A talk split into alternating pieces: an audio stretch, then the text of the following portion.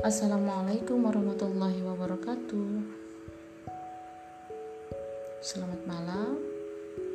Podcast keempat saya mengangkat tema prostitusi anak kian marak di masa pandemi oleh Hera Mumtazah. Kasus prostitusi anak terus meningkat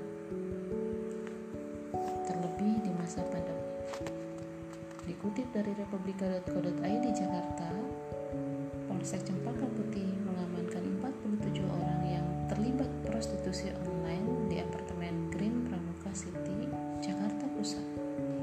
Sebanyak 12 orang di antaranya adalah perempuan di bawah umur alias anak-anak. 12 bulan 1 2020 miris memang kondisi tidak membaik bahkan semakin parah. Prostitusi yang sudah menyasar generasi muda bangsa ini semakin hari semakin mengkhawatirkan. Kenapa hal ini bisa terjadi?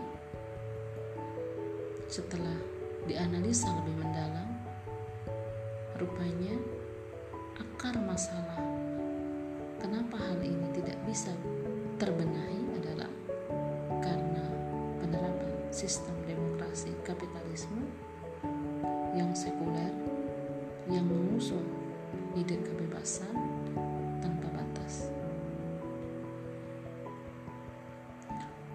Faham sekulerisme telah berhasil ditancapkan oleh Barat dalam berbagai aspek kehidupan umat Islam, termasuk dalam sosial,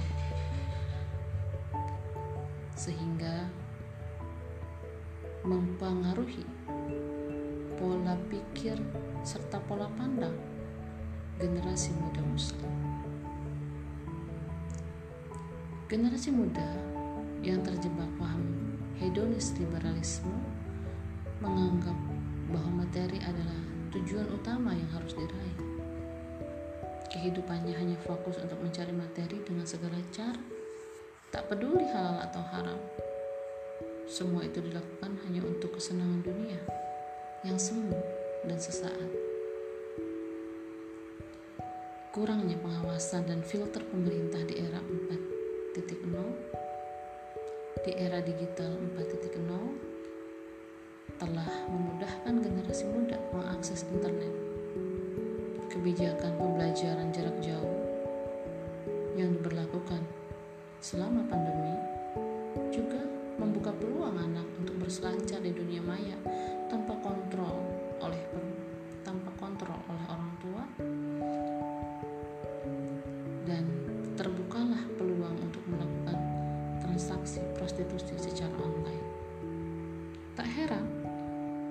Kondisi ini mengantarkan pada degradasi moral yang akut pada generasi muda. Mereka telah dibuai oleh faham hedonis ala barat yang menuntut mereka mempunyai gaya hidup berjuis, mempunyai smartphone canggih dan mahal, kongkow di kafe ternama, dan pakaian modis ala K-pop.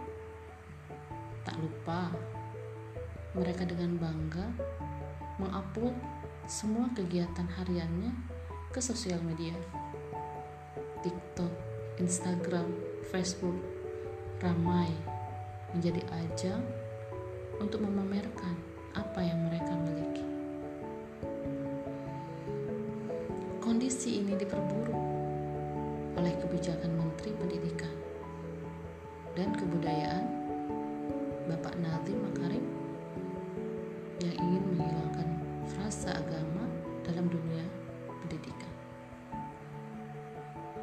Bagaimana mungkin prostitusi anak bisa dihilangkan dan dibenahi apabila pemerintahnya menjauhkan nilai-nilai agama dalam pendidikan?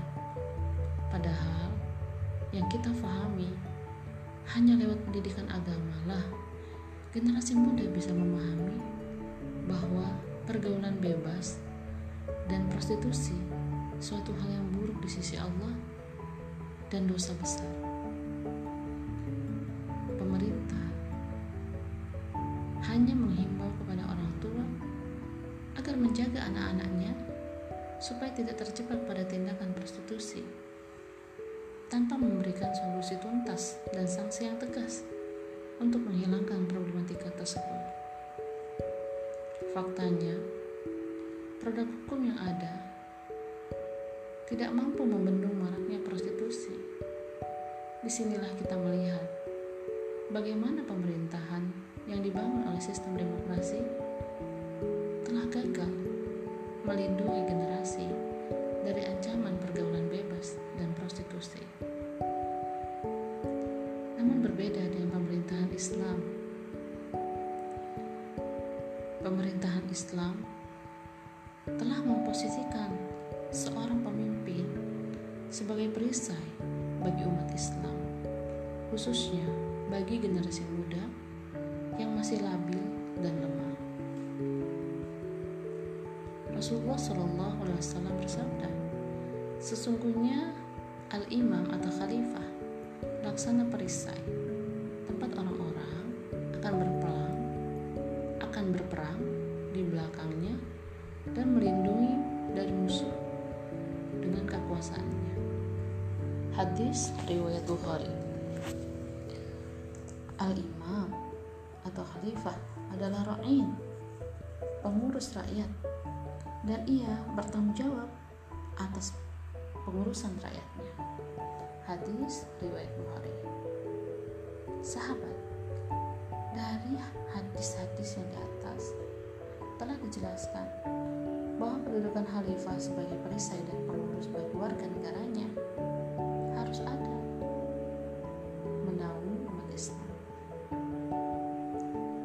Bentuk kepengurusan khalifah terhadap rakyatnya ada enam. Khalifah menjamin enam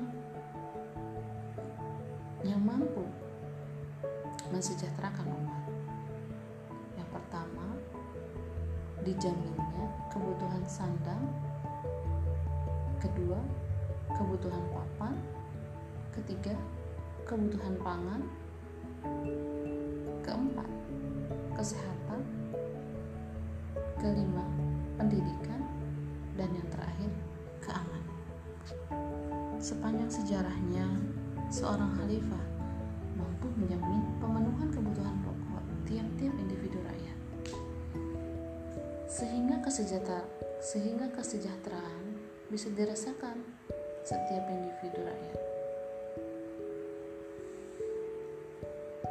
Tidak hanya itu, khalifah juga akan menuntut celah privatisasi sumber daya alam oleh elit kapitalisme.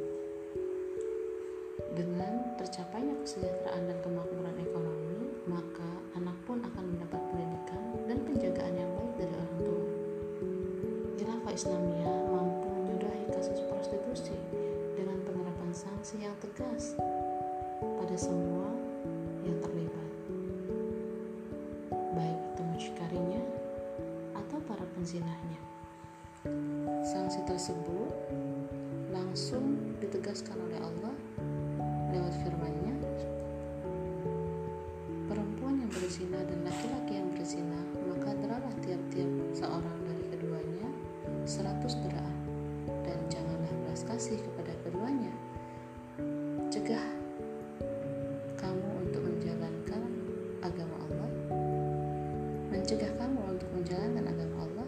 jika kamu beriman kepada Allah dan hari akhirat dan hendaklah pelaksanaan hukumnya mereka disaksikan oleh sekumpulan dari orang-orang yang beriman.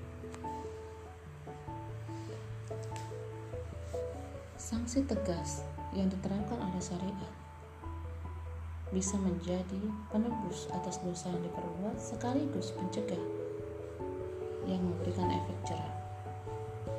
Dengan demikian, hanya pelaksanaan syariat Islam dalam bingkai daulah khilafah yang mampu